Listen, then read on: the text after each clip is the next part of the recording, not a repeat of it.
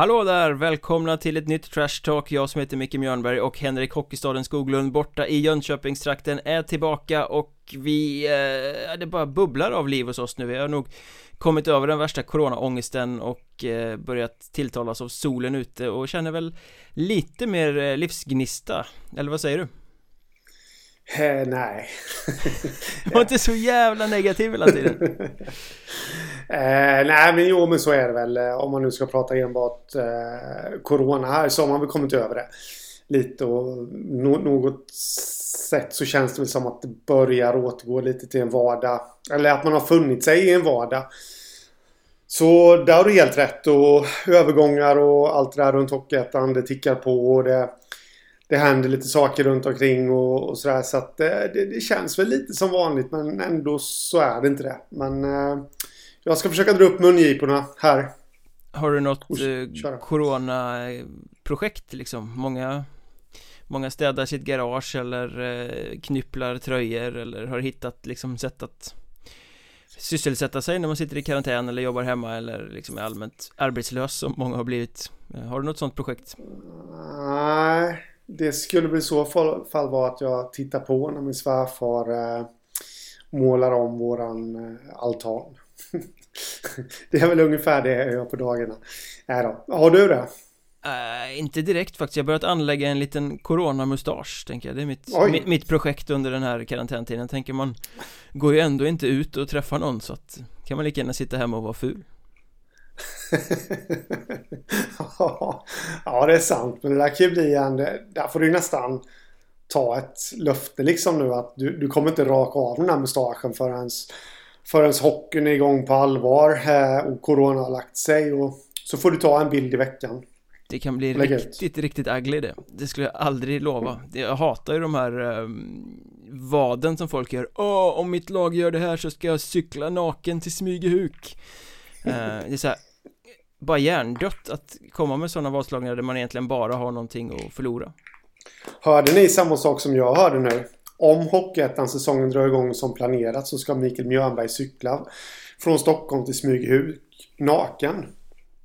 I alla, fall, så i, ja, i alla fall i, i fantasin hos Henrik Hockeystaden Skoglund Vilket ju är lite skrämmande i sig Ja, ja, det, ja vi får se vad som händer men nåväl, vi släpper flamstrams och eh, kastar oss på Hockeyettan För det är faktiskt därför vi sitter här och ska försöka sy ihop en timme med aktualiteter, tyckanden, högt och lågt Så som vi brukar göra. Och eh, vi kan väl börja.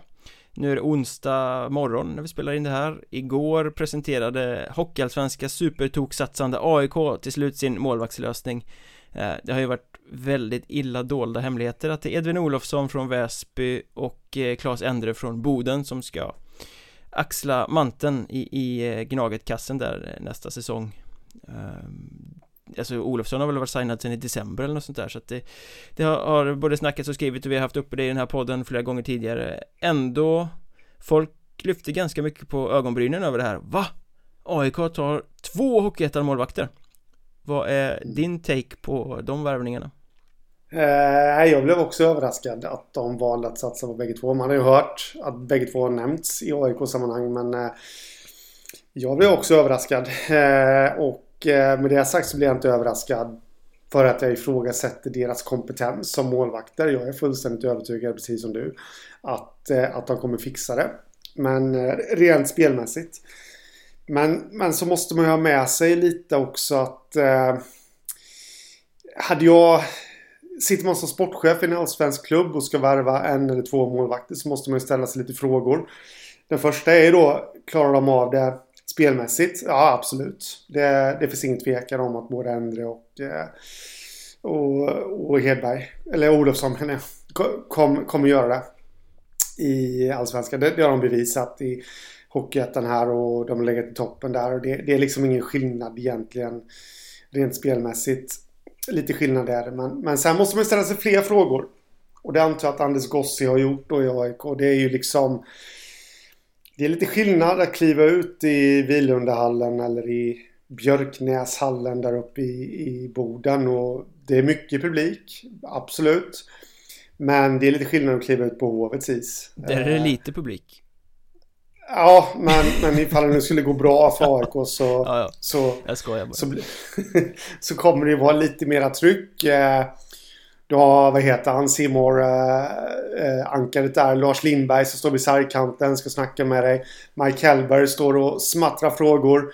Eh, det jag försöker säga då, det är lite mer tryck från media och publik i AIK. Då måste man ställa sig frågan, fixar de det? Ja, han har förmodligen fått ja på de frågorna också då. Eh, Gossi. Eh, och sen har vi nästa då. AIK. Det kan man ju inte tolka det på annat sätt eh, med tanke på de värvningarna de har gjort. De siktar ju uppåt. De vill ju förmodligen spela SHL-kval här och, och liksom allra minst. Eh, jaha, fixar de målvakterna det? det? Det är också en fråga man måste ställa sig. Så när man bakar ihop allt det där, det är då jag blir lite överraskad. Eh, jag tvivlar som sagt inte på någon av de här målvakterna, men men, men eh, jag hade nog valt att satsa på ett rutinerat kort och en lite mer orutinerad ändå. Fast det där tycker jag är ganska ett argument som faller på sin egen rimlighet om man börjar prata om SHL-kval och sånt Det är klart att just nu när de kommer från Väsby och Boden eh, Så kanske de inte är redo för ett SHL-kval men med en hel allsvensk säsong i benen så kommer de ju definitivt vara det eftersom klassen finns där. Här handlar det om att de ska, de har eh, kompetens nog för att kunna spela i Hockeyallsvenskan De ska få komma in i Hockeyallsvenskan, växa in i kostymen och kommer att vara redo när man kommer till den delen av säsongen. Eh, det är jag helt övertygad om. Eh, jag förstår inte riktigt det här tveksamma som folk ofta har när man tar en målvakt från Hockeyettan. För jag menar, hur många exempel finns det inte på målvakter som har kommit från Hockeyettan och bara rusat upp i Allsvenskan även till SHL och varit tokbra. Alltså det, är det någonstans det finns en återväxt i Hockeyettan så är det ju på målvaktssidan där det finns väldigt, väldigt, väldigt mycket klass. Eh, Så det handlar ju Ja. bara om att våga ge dem chansen. Och här har vi också en ekonomisk aspekt. Vi står inför en liksom, verklighet efter corona där pengarna kommer vara mindre. Och en meriterad, rutinerad målvakt kostar ju multum eh, kontra vad de här två gör och en meriterad, rutinerad målvakt är inte så mycket bättre än vad någon av de här kommer kunna vara. Så att eh, för mig så är det ganska, en ganska bra lösning att ta två så pass bra eh, Hockeyettan-målvakter som är topp i ligan Låta dem sparras mot varandra och då med förhoppningen att någon av dem blommar ut till att bli den här riktiga första målvakten. För man kan inte hålla på och göra som Almtuna gjorde när de gjorde på det här sättet och tog Oskar Fröberg och Arvid Ljung från Hockeyettan för några säsonger sedan om du minns det. Ja, Där de hade något så absolut. här eh, rotationssystem, de fick två matcher var och sen bytte de oavsett hur de spelade Eh, Så får man ju absolut inte göra om man, om man gör så här utan då ska man ju liksom låta dem kriga och sen ge första spaden till den som är bäst Ja, absolut. Jag säger inte att det är fel det AIK gör, men, men det rimmar lite... Det rimmar inte riktigt med, med de ambitioner man, man, man kan tänka sig att AIK har. Jag menar, lastat in Fredrik Weigel, Anton Holm. Eh, ryktas som fler spelare in också liksom. Eh, då känns det... Det normala om man säger så hade ju varit att sätta en riktigt rutinerad målvakt.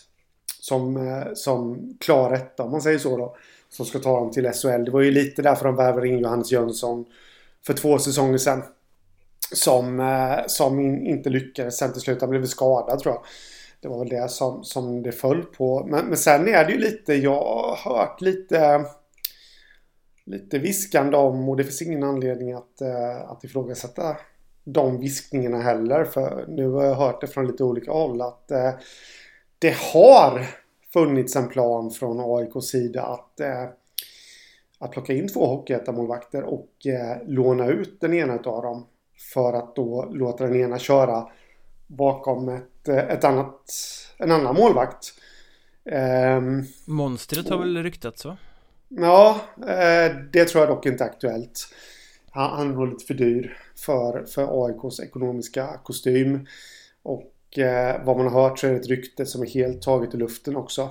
Det är bara vad jag har hört så det, det vet jag inte. Men, eh, men, men med det sagt då så vet ju inte jag nu när det här blev en realitet med Endre och eh, Olofsson där så vet jag ju inte om, om, om det fortfarande är aktuellt. Men jag vet att de har varit inne på det spåret. Eller vet vet jag inte men jag har hört det från, från olika håll och, och det finns ingen anledning att betvivla det så att säga då.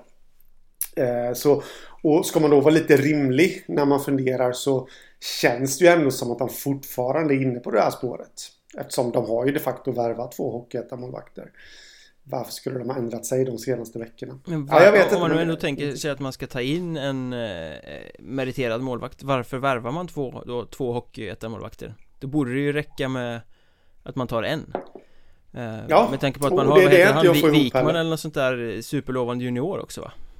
Ja, det har de i, Det var också en sak jag reagerade på i det här pressmeddelandet som AIK släppte igår att eh, avslutade med en mening bara att Jesper Wikman kommer inleda i 20-laget.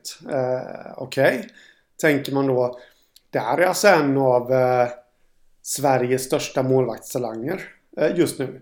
Jesper Wikman och, och, i mitt tycke så skulle han kunna ha ett, en chans på JVM-truppen. Det blir väl lite tufft kanske att ta sig in redan nu. Han är född 02 men men han är riktigt bra. Rankas eh, åtta tror jag bland de europeiska målvakterna inför draften i sommar. Eh, och det känns lite slöseri att sätta en sån kille då med, som ändå har en talang som dessutom har testat på allsvenskan och, och definitivt inte gjorde bort sig.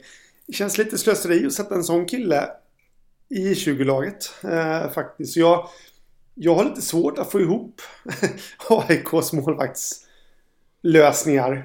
Eh, eller ja, lösning som de har just nu faktiskt. Jag, jag förstår den inte alls. Jag tycker inte att den är speciellt rimlig.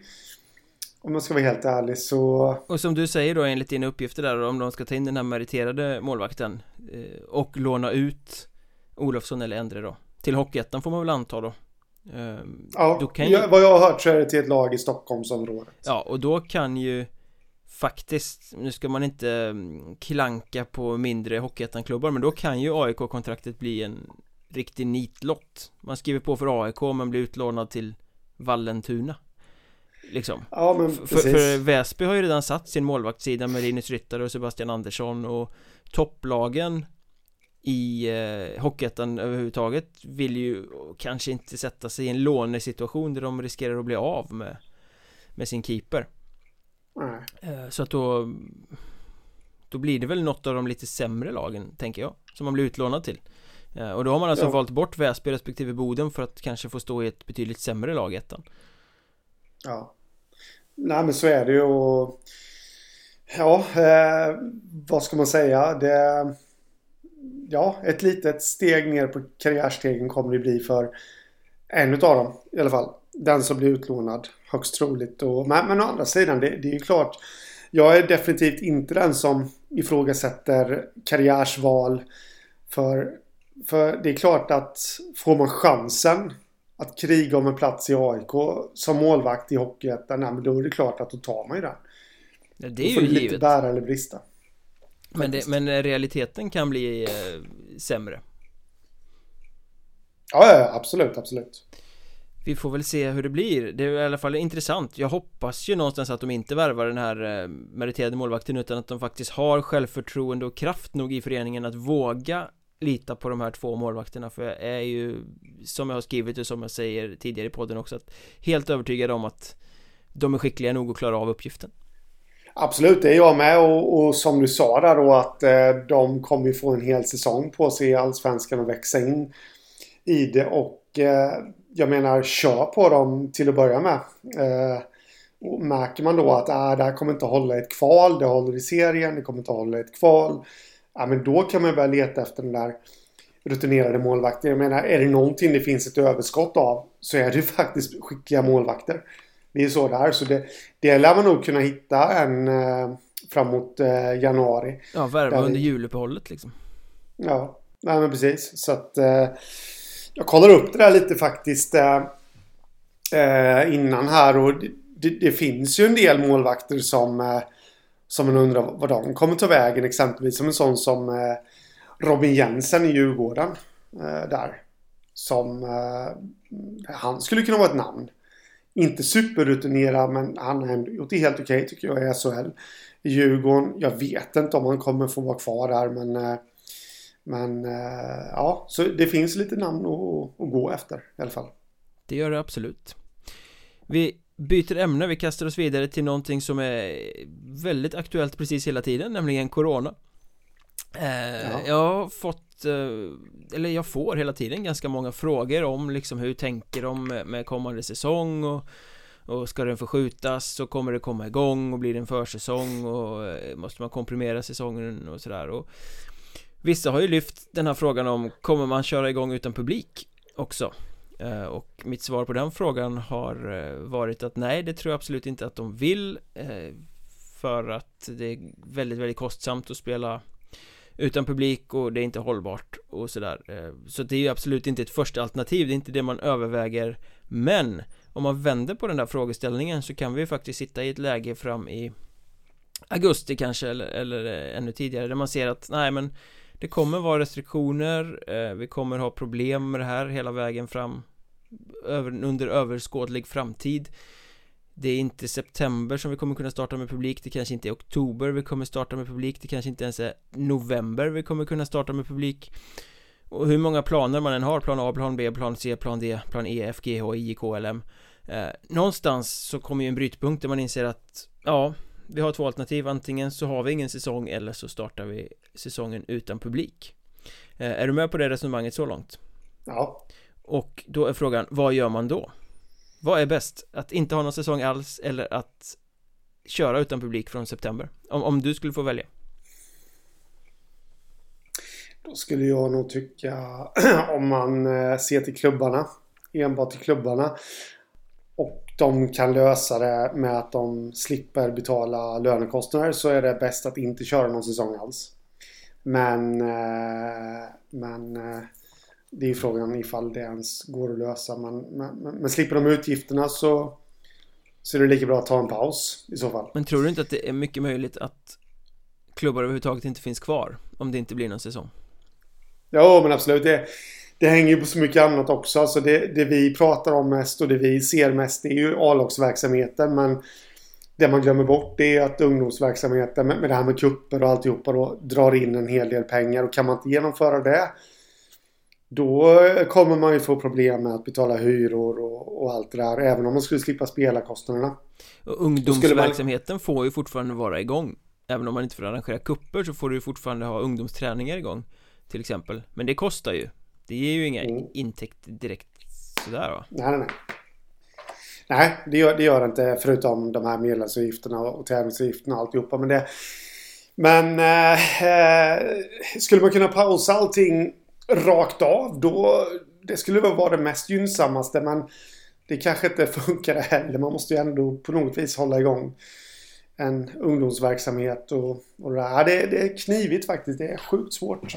Och alla som gapar tänker jag över att man kan absolut inte starta utan publik. Det blir inte bra ekonomiskt, bla bla bla. De utgår ju ifrån, alla som resonerar kring det här har jag känslan av Utgår ifrån att när det väl kommer igång Så kommer det vara som vanligt.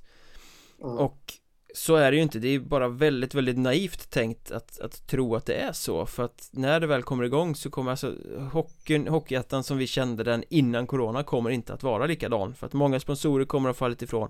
Pengarna kommer att vara mindre. Eh, det kommer hela tiden finnas Coronahinder som man måste förhålla sig till. Så att här handlar det ju om att bygga en helt ny verklighet på något sätt. Att lära sig förhålla sig till en ny tid, att hitta nya lösningar på saker och ting. För att det kommer inte vara så att vi trycker på en knapp och sen app Nu är corona slut, nu är vi tillbaka, nu kan vi köra som vanligt igen. Utan Oavsett hur det blir så kommer man kunna tvingas leta nya lösningar. Och där tänker jag, jag bara satt på min kammare och vände det några varv och så här och tänkte att Det kanske är, förutsatt att det finns restriktioner som gör det genomförbart. Det kanske inte riktigt är det på 50 men säg att de har höjt det till 100, att du får ha sällskap på 100 Då skulle du faktiskt kunna genomföra hockeymatcher. Då kanske det är läge att eh, dra igång en säsong utan publik trots allt. Eh, ATG och kanal 75 har ju köpt liksom ligarättigheterna här för tre år.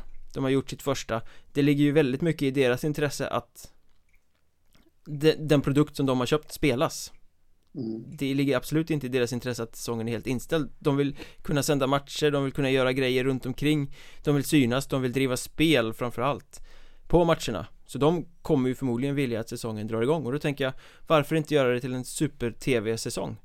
Eh, varför inte sätta upp en superstudio som någon sorts hubb, fixa abonnemang så att man kan köpa för en skaplig peng i alla fall eh, alla matcher. Och så liksom bygga, verkligen bygga någonting omkring det. För är det någon liga som går att köra igång utan publik så är ju Hockeyettan snarare än SHL och Hockeyallsvenskan. Eh, Det är inte lika många klubbar i Hockeyettan som har jättemycket publik och så vidare. Nej, nej precis. Eh, Det skulle man absolut kunna göra. Eh, Jag tycker den idén är kittlande. Eh, Dock eh, är ju frågan om man lyckas dra in så mycket pengar på det.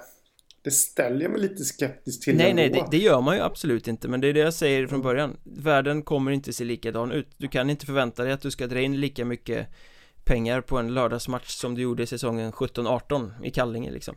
Eh, det kommer inte finnas. Så att här handlar det ju Hamnar du i det läget att du ens överväger att Att starta en säsong utan publik Då är du ju i ett läge där du väljer mellan att få in lite pengar eller inga pengar alls. Det är ja. det som är valet. Alltså alternativet Att ha lika mycket pengar som vi brukar Det finns inte på bordet. Nej Ja, det är frågan alltså det, det handlar ju ändå om att Om man säger så här Spelarna ska ju ändå utföra Sitt arbete eh, De måste få betalt för det eh, men, men, jag tror att många kommer köpa att de inte kommer få lika mycket betalt. Eh, så då, då gäller det att kunna kompensera upp det på något vis. Eh, ja, det, jag tycker att det är en kittlande tanke. Men, jag tänker så här, det, då, då, det kommer ju vara en uppdämt intresse hos publiken. Man, man liksom längtat efter hockey. Det blev rumphugget nu senast. Man vill ha en ny säsong. Visst, det är inte lika hett med matcher utan publik, men det är bättre än inget om man kommer längta efter hockey. Så om man då har det här liksom fina tv-paketet du kan köpa där man liksom verkligen sätter upp med bra studio och den kan man ju köra från Stockholm och så kan man ju plocka in den kan funka som en hubb, man plockar in eh, bilder från olika matcher Du kan se matcherna i abonnemanget om du vill se hela någon match. Bra, fram och tillbaka sådär. Sen kan ju klubbarna också jobba med det där. Alltså webbsändningstittandet kommer ju gå upp markant I och med att ingen får vara i hallen. Eh, och då kan du ju jobba med webbsändningen också. Varför inte de hallar som har stor parkering utanför Smäll upp en stor um, skärm och så kör du drive-in visning av matchen Folk det kör. jäkla tutande. Folk kör till hallen och så sitter de på parkeringen och glor på den i alla fall. Eh, ja. Eller så som restauranger går omkull i corona. Du samarbetar med med dina lokala krögare, de som faktiskt finns kvar. För att även om det är restriktioner så de får ju fortfarande ha öppet. Låt dem släppa in så många gäster som som de faktiskt eh, har rätt att göra. Låt dem sitta med social distansering mellan sig där. eh, Eh, och så säljer du paket. Alltså, Kom och se matchen, käka, drick eh, och sen så får restaurangen en liten slant och en liten slant går till klubben. Eh, då kan man också flytta matcherna kanske. Skit i att spela på söndagar när ingen får dricka och, och sådär utan spela på lördagar och fredagar istället då. Så att du kan maximera intäkten på den typen av grejer. Samarbeta med fem olika restauranger om du har så många på din lilla ort. Det finns ju sätt att göra pengar om man tänker lite um, utanför den gemene boxen liksom Visst, du kommer inte göra lika mycket cash som tusen pers i, i gamla Katrinhallen gör men du kommer i alla fall kunna plocka in några kronor mm. Ja men som jag sa där, jag tycker att det är kittlande Dock så känner jag, och det, det är någonting man har gnuggats in här nu med tanke på att eh, ibland tänds det ett litet hopp och så släcks det igen. Och där blir lite frågan till, kommer ligasponsorn här och i det här fallet ATG Kommer man ens våga sjösätta en sån här satsning? Eh, kommer klubbarna våga göra det för att Snap säger det och så har en spelare i ett lag blivit smittad? Eh, och så måste man stänga ner ligan. Nej, nu får inte, säger Folkhälsomyndigheten. Nu, nu, nu, nu får du inte spela för det är för hög smittorisk. Och det kanske kommer då fem omgångar in. Fast när du väl befinner dig där så kan det ju vara så att om den här flockimmuniteten finns att spridningen inte är lika stor och lika farlig. Ja, det, det kan vara så. Det, det, vet vi inte och det... Det är väldigt mycket and buts i alla resonemang såklart men, Ja men det är ju lite så det, det tänds och släcks hopp överallt och, och liksom så jag läste igår att eh, Troligtvis kommer det inte bli någon fotboll i den holländska fotbollsligan förrän första september. Eh, det är skillnad på Holland och Sverige självklart men men, men liksom det går väl ändå att översätta till viss del här att vi ja, det börjar brännas mot hockeysäsongen där med. Kommer de ens få spela liksom? Bla bla. Ja. Sådär så att eh, mycket ifs and buts. Men eh, Ja, det är en kittlande tanke. Ja, jag är helt övertygad om att hamnar man i läget där det är ingen publik eller inget alls så är det bättre att dra igång det utan publik med bra tv-lösning runt det och faktiskt försöka göra det bästa av situationen. Här skulle man ju dessutom nog kunna köra en sån här som de har kört nu under våren. Köpa en virtuell popcorn. Det tror jag man skulle nå större framgång med eh, än vad klubbarna redan har gjort. Eh, I samband med matcher också. Jo, jo, för det är ju ett budskap du också kan pumpa under sändningarna då ju liksom. Ja. Hela tiden. Ja, ja, absolut. Eh, så jag köper idén. Jag är lite tveksam till att de kommer våga genomföra det. Men jag tycker att idén är jäkligt kittlande att plocka in då en massa experter. Eh, ha en huvudmatch. Men glimtar från andra matcher att nu har det här hänt där. Eh, det blir lite som gamla tiders hockeykväll på något sätt. På SVT. Eh, det, det blir ju ett sätt att marknadsföra Hockeyettan också, göra något större av det liksom på något sätt. Ja.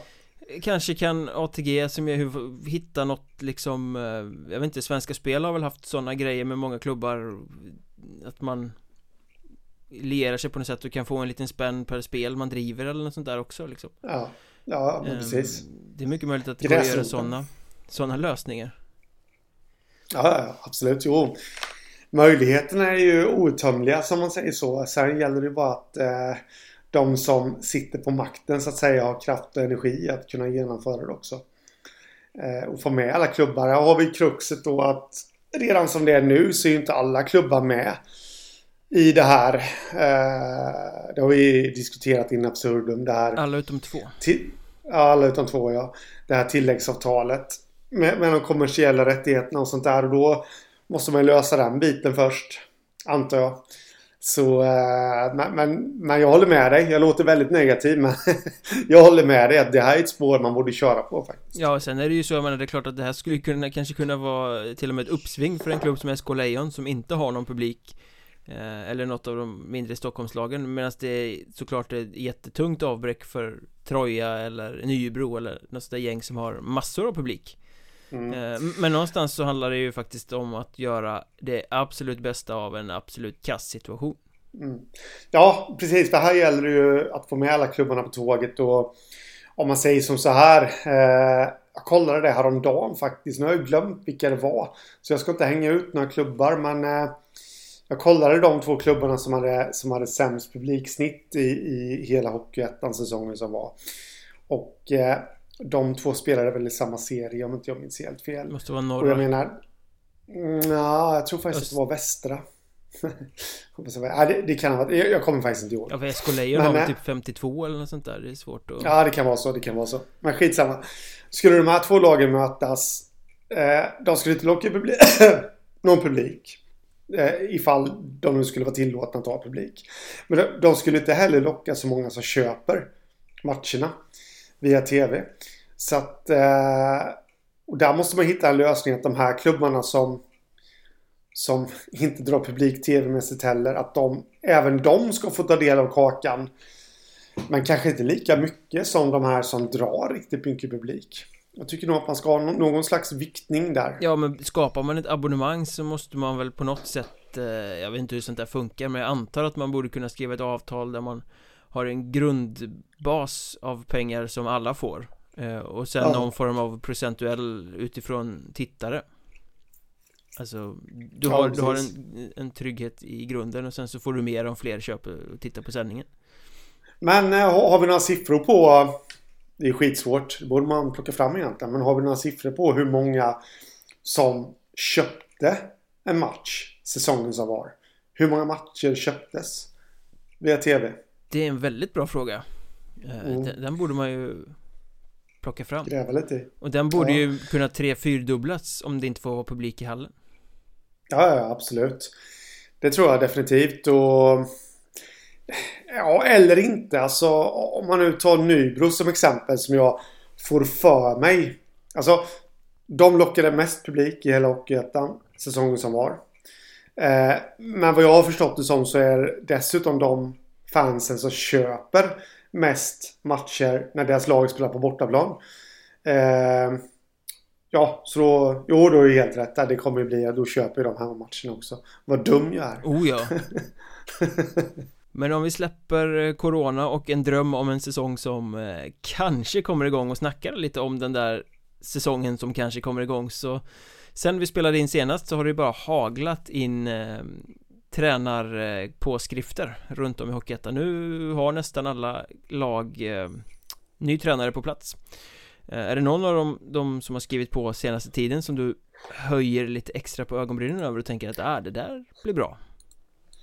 Eh, ja, det är det. Det är en hel del faktiskt. Eh, jag vet inte riktigt var, var vi ska börja men eh, om man tar... Eh, vi kan väl börja med Niklas Högberg, Tranås kanske? Från Hanhals till Tranås, absolut. Mm. Eh, som jag, vi hade uppe det i förra podden tror jag. Mm.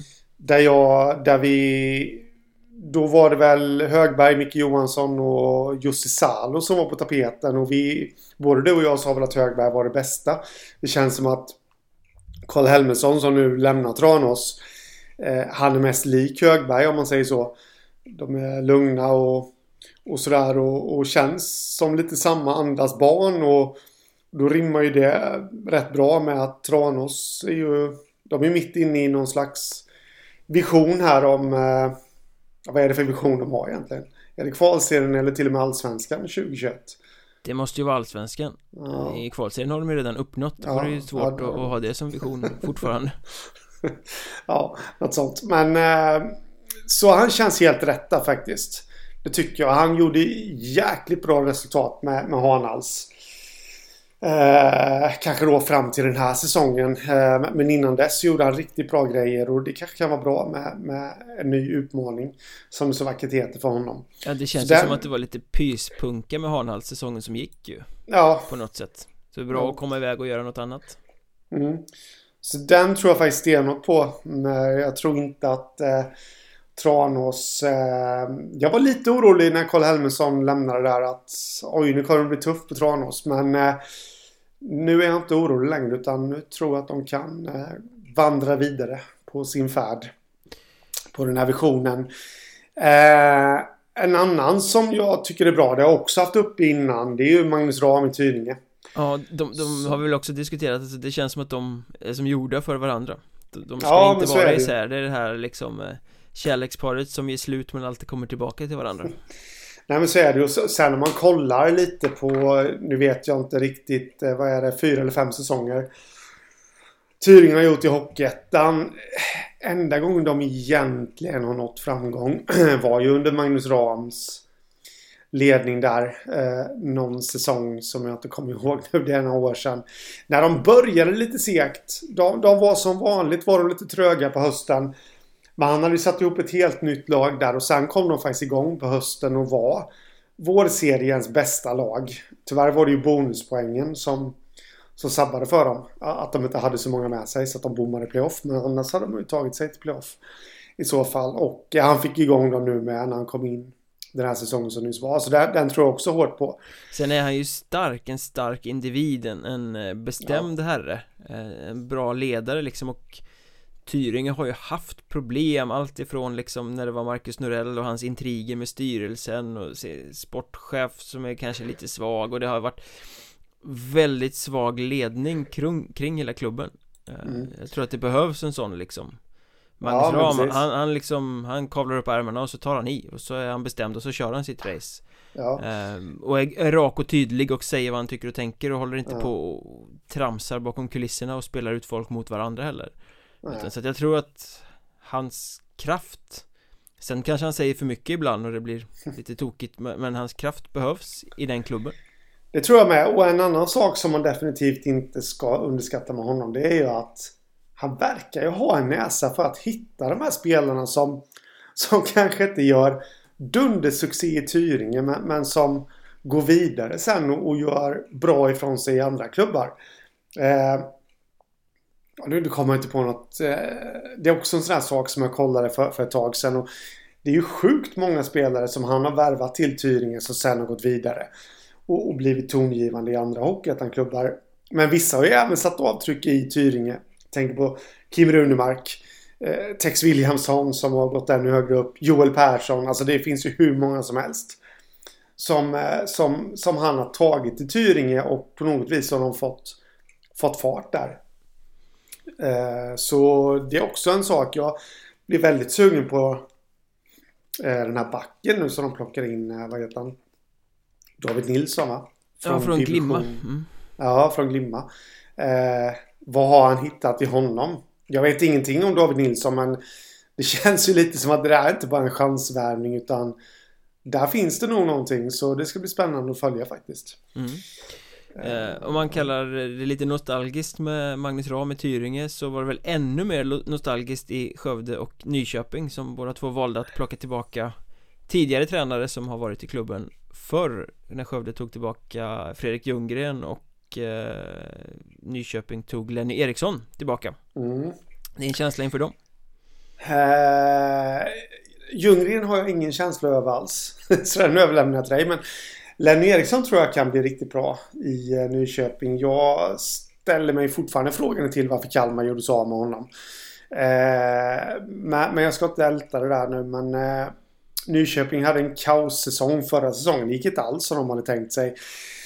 Eh, med Mälberg där vid rodret och det, det, känns rent allmänt som att det var kaos i klubben och spelare kom och gick och alltihopa. Och, de behöver ju en liten nystart här nu och det, de behöver tona ner förväntningarna och jag tror att Lenny Eriksson kan vara den där trygga famnen för dem att eh, jag tror vi knappast att du och jag kommer sitta, om det nu blir en säsong, så kommer vi knappast sitta och säga att Nyköping kommer springa springa till allettan direkt. Utan eh, det kommer nog vara nedtonade förväntningar och där tror jag att Lenny Eriksson kan göra rätt bra mm. är helt enig. Det de behöver är trygghet och stabilitet och, och han är liksom inte han för liksom inte en symbol för det moderna framåtskridande men han är en rutinerad punkt som varit i klubben tidigare och eh, Det är det de behöver, lite stabilitet, landa igen liksom. Hitta fokus. Eh, Och sen är det väl lite en budgetlösning kan jag tänka mig. eh, Precis som i Skövde, det känns också som en budgetlösning. Eh, Du överlämnar analysen av Ljunggren till mig. Jag kan säga den, den värsta analysen jag kan göra är att jag har förvånansvärt svårt att skilja på eh, honom och hans bror Niklas Ljunggren. Jag, alltså, jag skriver Niklas Ljunggren hälften av gångerna. Jag ska skriva Fredrik Ljunggren.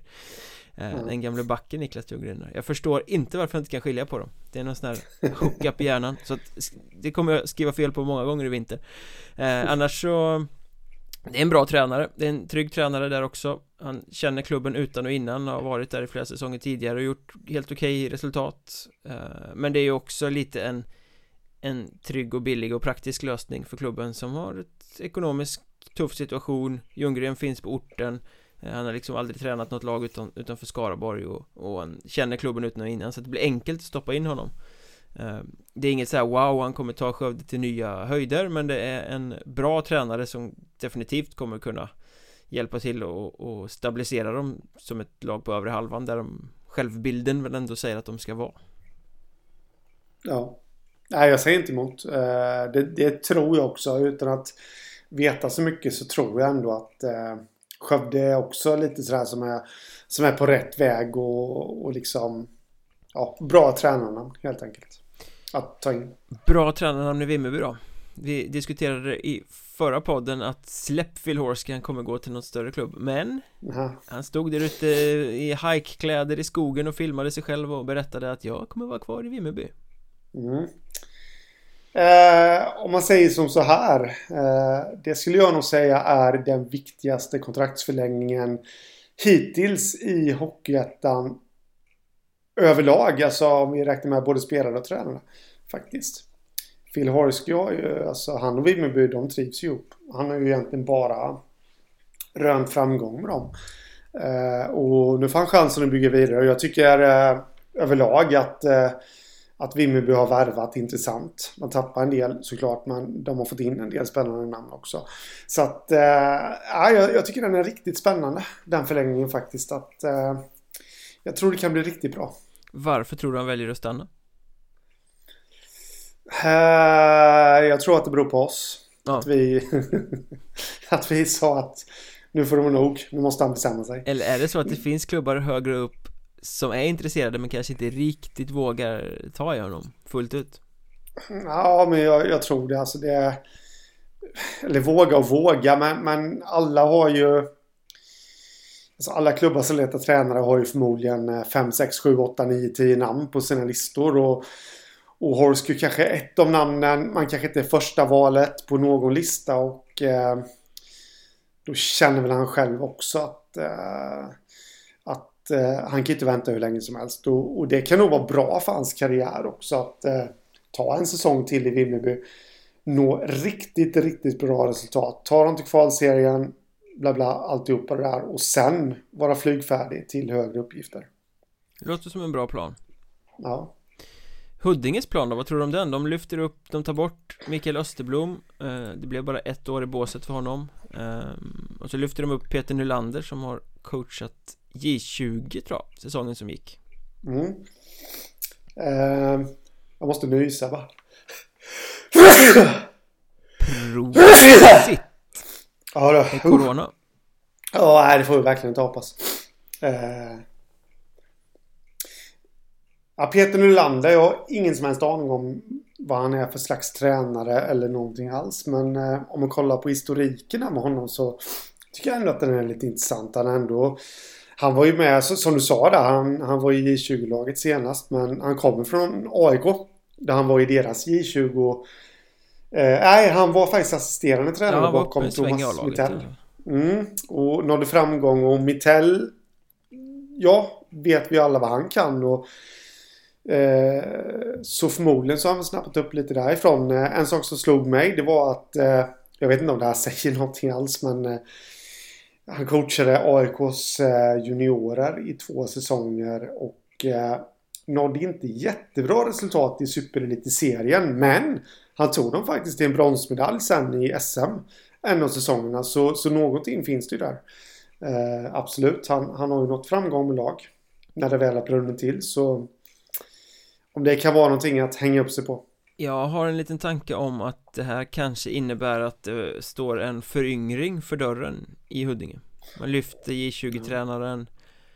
Ehm, det kanske är dags att vända ryggen åt delar av nostalgibygget som var säsongen som gick. Det känns som att det kanske är ett enkelt steg att göra att liksom man tar Peter Nylander och sen kan man föryngra under honom. Ja, möjligt. Och för att återknyta till början av podden Kopplingen Nylander-AIK är det i Huddinge en utlånad eh, keeper hamnar? Ja, jag har också tänkt den tanken. Där faktiskt att Huddinge skulle ju vara ett eh, passande alternativ för en toppmålvakt i så fall de har ingen, de har ingen spelare alls på kontrakt hittills eh, som är officiellt i alla fall. Och, eh, men sen är ju frågan då, har de toppambitioner? Vill de verkligen då riskera att ha en målvakt, eh, en första målvakt på lån? Nej, det är ju vanskligt. Väldigt vanskligt. Det är väldigt vanskligt faktiskt. Och eh, ja, så jag, jag, jag hade nog inte förlitat mig på det om jag hade varit Huddinge. Borås då, de kommer eh, förlita sig på Johan Hellström som ju lämnade Skövde eh, mm. Flyttar mm. till, eh, jag vet inte om vi pratade om det i förra podden om det var ute då eller om Jo, vi pratade om det Och nu får han med sig Viktor Andersson också, målvakten från Skövde där mm. Ja eh, Bra val jag, av Viktor Andersson, nu, nu, släppte jag tränaren här direkt men eh, Eh, jag såg att du skrev om det också att eh, i Borås har ju Andersson en chans att eh, få vara förstemålvakt. Det hade han inte riktigt i Skövde och Nej de hade, ju, de hade ju problemet där att han och Fagerblom var ungefär lika bra så att de fick dela på det mm. och det gynnade ingen av dem mm. Och eh, chans att vara förstemålvakt i Borås och eh, dessutom chans att eh, få uppträda inför eh, det största skyltfönstret som finns faktiskt i Hockeyettan. Det, det är Söderserien. Det, det, visar, det finns siffror och statistik och alltihopa på det där att eh, att eh, lyckas du i Söderserien så, så har du större chans att gå vidare till Allsvenskan. Så det är helt rätt val av Viktor Andersson och Borås är väl bara att gratulera, tycker jag. Mm. För att återgå till tränarvarianten där Andreas Holfeldt fortsätter i Kalmar. Eh, mm. Jag blev Jag förstår att de I den situation de sitter kanske inte kan gå ut och värva något stort namn Så men jag snackade med honom under våren så lät han rätt pessimistisk. Han lät väl inte sådär Jättepositivt inställd till Kalmar och deras hantering av saker och ting. Men eh, han blir kvar i alla fall. Och det är väl en smidig mm. lösning för, för båda parter kan jag tänka mig. För Kalmar får de väl en ganska billig tränare och för Holfeldt så får han jobba som tränare för han är ju fast i området med familj och, och situation. Så han kan inte flytta iväg. Eh, Så det kanske är bra för båda parter. Ja det tror jag. Och sen eh, Sen får jag för mig lite att om, om man går in på Kalmars situation just nu med ekonomiska bekymmer Eh, liksom alla har förvisso, eller de flesta i alla fall. Så det, det är inget unikt för Kalmar. Men det känns ju lite som att den här topplagsauran kommer nog eh, kanske inte riktigt eh, figurera nästa säsong. Det kommer nog bli en budgetlösning. Eh, och då känns Holfeldt som en sån kille som eh, skulle kunna knyta ihop ett riktigt, riktigt snålt spelande försvarsspel eh, för att eh, den vägen kunna vinna matcher. Så jag tror faktiskt på den lösningen. Eh, också. Ja, men jag tror det är ganska bra för båda. Helt klart. Mm. Det blir inte wow, men det blir eh, precis som när vi pratar Ljunggren och Lenny Eriksson och allt det där, lite tryggt och stabilt. Det är ja. väl så, i coronatider så söker alla någon form av trygghet snarare än det här flashet. Ja, men så är det, så är det. Och eh, Kallinge Ronneby IF KRIF kallade har inte en enda spelare på kontrakt än Men eh, Emil Ivansson, den unge tränaren, blir kvar eh, Kom ut häromdagen ja. att han, han skrev ett nytt kontrakt och det var väl Det var väl bra.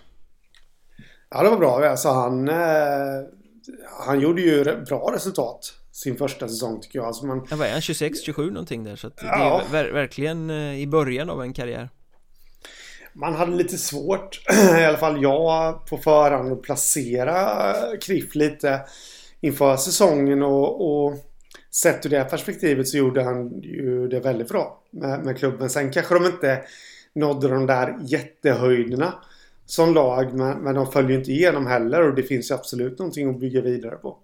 David, så att, eh, bra förlängning tycker jag. För bägge parter där med. Ja, jag tror, jag tror på det också. Han, eh, han kommer ju bara växa och har ja. fått väldigt mycket rutin med sig från sin första säsong som ju Som du säger var väldigt bra Emil mm. Yrvaken Ivansson eller vad är det du säger? Ja, ja men precis det han, eh, han har förmåga att på bilder se väldigt rolig ut Faktiskt och det finns någon bild eh, Den de hade när de presenterade förlängningen där han ser Jätteförvånad ut Det ser ut ungefär som att han har beställt Han tror att han har ja, fyllt i en lunchlista liksom beställt en lunch. Va? Är det ett nytt kontrakt jag skriver på? Herregud. Ungefär så. Men eh, skämt åsido där. Eh, han har ju bra folk bakom sig också. De här kommer inte ihåg vad de heter. Men de här rutinerade sportchefen och assisterande tränaren. Tobbe Karlsson. Tobbe Karlsson och, och Torbjörn Svensson där. Eh, och det, det, jag tror att de hjälper honom väldigt mycket också att, eh, att känna sig bekväm i, i sin roll som, eh, som huvudtränare. Så att, bra för alla parter att, eh, att det blir en förlängning där. Sen kom du till går också att Thomas eh, Engman slutar som tränare i Strömsbro. Ja, han, han, han, han har själv, lett laget från eh, division 3 till playoff mot allsvenskan mm. på fyra säsonger. Sensationellt bra resa men nu är den över. Ja. Det blir ju intressant att se vad de jagar rätt på då Ja, det känns väl lite som att eh, ska man chansa på att de kommer plocka in en tränare som har en Brynäs-koppling. I alla fall. Sannolikheten är väl ganska stor då?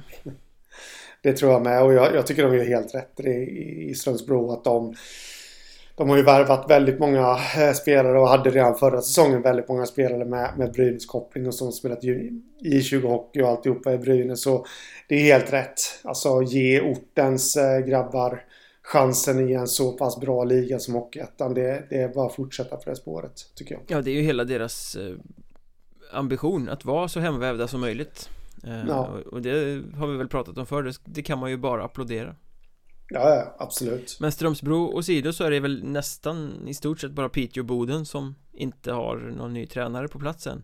Eh, några mm. lag till är väl om man tittar på dem på de stora prominenta och då är det så här Boden sitter lite i samma läge som förra året. Alltså då, ja. då tog det lång, lång tid innan de eh, hittade en ersättare till Robert Norberg. Och det, då blev det Lars Molin och det blev inte alls bra. Eh, Så då fick de tvinga in Petter Nilsson i båset igen under säsongens gång. Nu ja. sitter de där igen och har svårt att få någon att vilja komma till Boden. Uh, och det, det, väcker ju frågan varför, alltså Boden är ju topplag, Boden satsar pengar, Boden har sagt att de ska ha samma spelarbudget som förra året trots Corona, vilket ju är rätt imponerande. Varför vill ingen träna Boden? Nej, ingen vill bo där. Det är för kallt och mörkt. Ja. De är för arga, det, det, det, är bitsk och arg befolkning där uppe, de vädrar ja, blod Nej, jag, nej, nu ska vi inte nej. skoja om dem, då blir de arga på oss eh.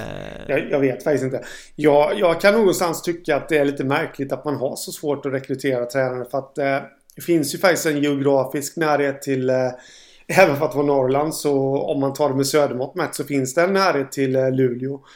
Som har ett SHL-lag och det skulle vara det perfekta skyltfönstret att visa upp sig i närheten av dem liksom. Ehm, så jag har lite svårt att förstå det där. Men, men med det sagt så jag har inget bra svar på varför de har så svårt att rekrytera men, men det verkar ju som att de har det.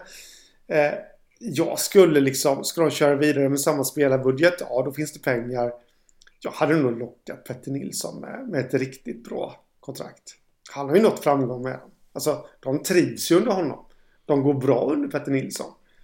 Kör på honom nu då. Ja, Från början. han vill väl inte eller? jag vet inte om han vill eller så men han är väl, han har så mycket annat och han har väl någon gård att sköta om och sådär men eh, ge honom ett erbjudande som han inte kan tacka nej till. Eh, eh, ta någon ideell kraft i den här klubben och be dem sköta om gården istället. Låt honom fokusera liksom på hockeyn här. Det hade jag gjort. Ja. Det är skitlätt för mig att sitta och säga men eh, jag skulle nog vilja se vad Petter Nilsson skulle kunna göra helt själv från start i den klubben. Eh, faktiskt. Mm, vi får väl se, det får väl hoppas för Bodens del att de lyckas bättre med rekryteringen den här gången än vad de gjorde senast För vi vet ju hur det blev med Lars Molin eh, Och det har vi ältat många gånger Men de måste ja. ha De måste ha en, en tränare med lite mer eh, Boden-prägel Alltså det, det ja. som är deras DNA måste finnas i ledarskapet Ja, ja men så är det. Så är det. Eh, vad var det jag tänkte på det angående Boden? Eh, där borde man ju. Det är mycket Boden nu. Eh, eh jag, jag, jag, tänker på de här, eh, alltså som jag sa innan, det finns ju en närhet till Luleå. Eh, varför inte försöka knyta till sig någon tränare i deras organisation? Jag tänker på exempelvis en sån, nu vet inte jag hur, hur det ser ut eh, med kontraktssituation och alltihopa men eh, man har ju exempelvis han, eh, vad heter han, den gamle SHL-spelaren Fredrik Öberg finns väl, han är väl huvudcoach tror jag i deras J20-lag. Mm. Han är ju från Boden. Han var domare ett tag också. Ja, det kan han ha varit. Så varför liksom inte försöka knyta till sig honom? Han har varit i både Luleå och Skellefteå liksom. Eh, har rutin och sånt där. Det är ett namn jag bara kastar ur mig så här.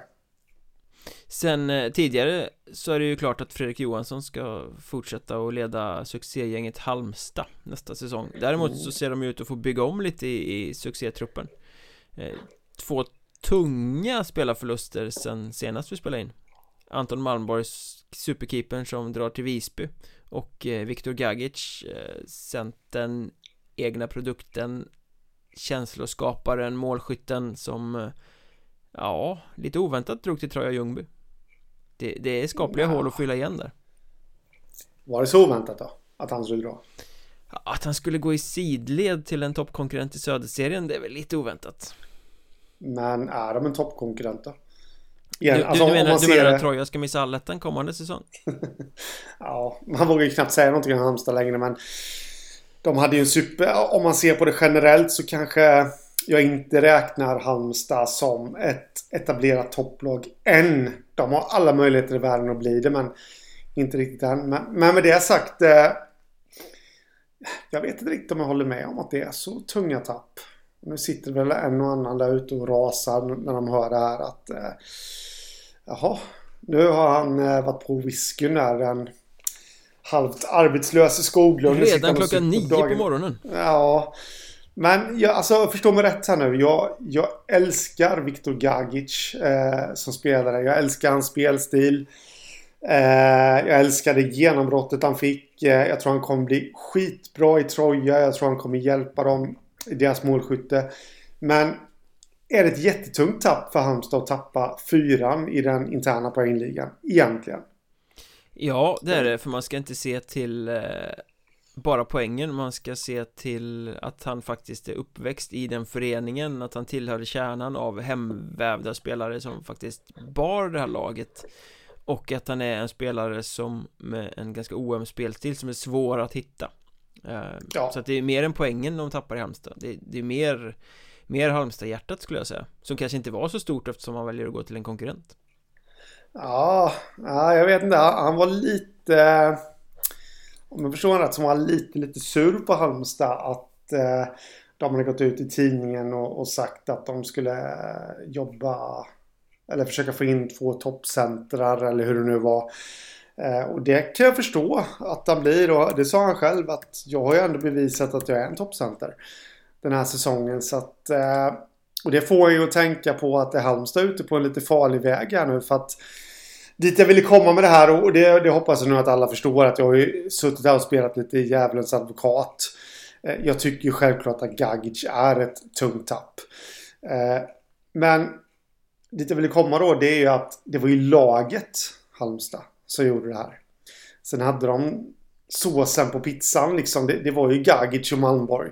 De de tappar nu. Men, men själva pizzan som ändå nådde framgång. Det, jag tror att de har chans att behålla väldigt många. Och då, då vill jag ju inte att de ska klädda ner det med att vara ute efter toppnamn. Det hoppas jag verkligen inte att de gör. Men för att eh, till slut då komma till min poäng här vid så...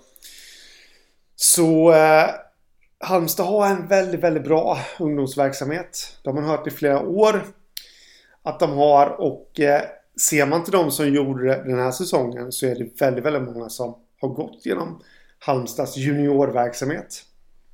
Som har nått framgång där och tagit klivet upp i A-laget. Och bara för att ta ett exempel så här att Gagic gjorde 23 poäng tror jag förra, förra säsongen i J20 Elit. Han vann deras interna poängliga. Förra säsongen var han med för att se och lära. Eh, och den här säsongen så blommar han ut. Finns en annan kille som vann Halmstads interna poängliga. Eh, förra säsongen, Alexander Klarin. Jag har ingen aning om hur han är som spelare så jag bara tar ett exempel här nu. Han vann den interna poängligan i 20 Elit. Den här säsongen så har, har han varit med för att se och lära. Vad händer med honom nästa säsong? Ja, du... En öppen fråga. Är det också en kille som kan blomma ut, ta samma kliv som Gagic? Eh, kollar man på Halmstads J18 och Halmstads J20 så har faktiskt de båda lagen tre säsonger i rad kvalat upp till högsta serien. Den här säsongen blev det ingen kval men de skulle ha kvalat. Eh, högsta serien i juniorsammanhang på de två nivåerna. Det gör du liksom inte om du inte har någonting i din ungdomsverksamhet du når inte den kontinuiteten eh, liksom år efter år om du inte har någonting speciellt. Om du inte har det här att du kan slussa spelare vidare om man säger så. Så jag tror inte man behöver vara alltför orolig. Eh, de hittade en känsla där förra säsongen och eh, nu säger inte jag att Halmstad kommer gå till allettan. Inte ens det. Eh, men jag tror inte att man behöver oroa sig för att de kommer falla samman heller. Det tror jag inte. Nej, och och, och eh, tänker vi då på Anton Malmborg som lite överraskande gick till Visby Roma eh, Roma så har ju Jakob Crespin aviserat att han stannar, skrivit nytt kontrakt och han var ju också bra i vintras Så det är kanske ja. hans tur att ta det steget som Malmborg gjorde i, i vintras nu. Ja, men lite så och kollade lite på hans statistik. Alltså Malmborg var ju, spelade flest matcher. Han, han var bäst. Eh, han överglänste ju Crespin i allt det här rent statistiskt. Men jag såg några matcher med Crispin och han verkade ju minst lika trygg. Eh, och kollar man hans statistik så var han inte jättelångt efter ändå. Malmborg och han vann fler matcher än vad han förlorade och alltihopa liksom. Så att eh, jag tror att det finns någonting att bygga vidare på där med. Det finns en framtid i Halmstad även efter Malmborg och Gagic. Ja, men det tror jag. Och, och sen, sen tycker jag ju inte då att man ska... Alltså den här säsongen föll allting på plats för dem. Eh, och jag vill ju hävda att eh, jag har sagt det vid något tidigare tillfälle att det ser ut som att de har mycket tur. Eh, men jag vill ju hävda att det var ju inte tur, men lite tur vill jag nog säga att det var ändå. Att de nådde den här maximala framgången. Men jag börjar ju tro på liksom att så som vi såg på dem för ett år sedan att de skulle bli jumbo. Eh, få kvala sig kvar. Trots att de nog kanske inte kommer kunna ställa ett eh, bättre lag på pappret på isen till nästa säsong. Så kommer jag nog höja mina förväntningar på dem till att de i alla fall kommer bli ett mittenlag. Eh, I den södra ettan och jag menar de det är ingen som vet vad som heter med Perna och eh, eller vad som händer med Perna och eh, Sebastian Åkesson där. Poängmässigt var det de som drog laget. Stannar de kvar, ja men då är mycket vunnet.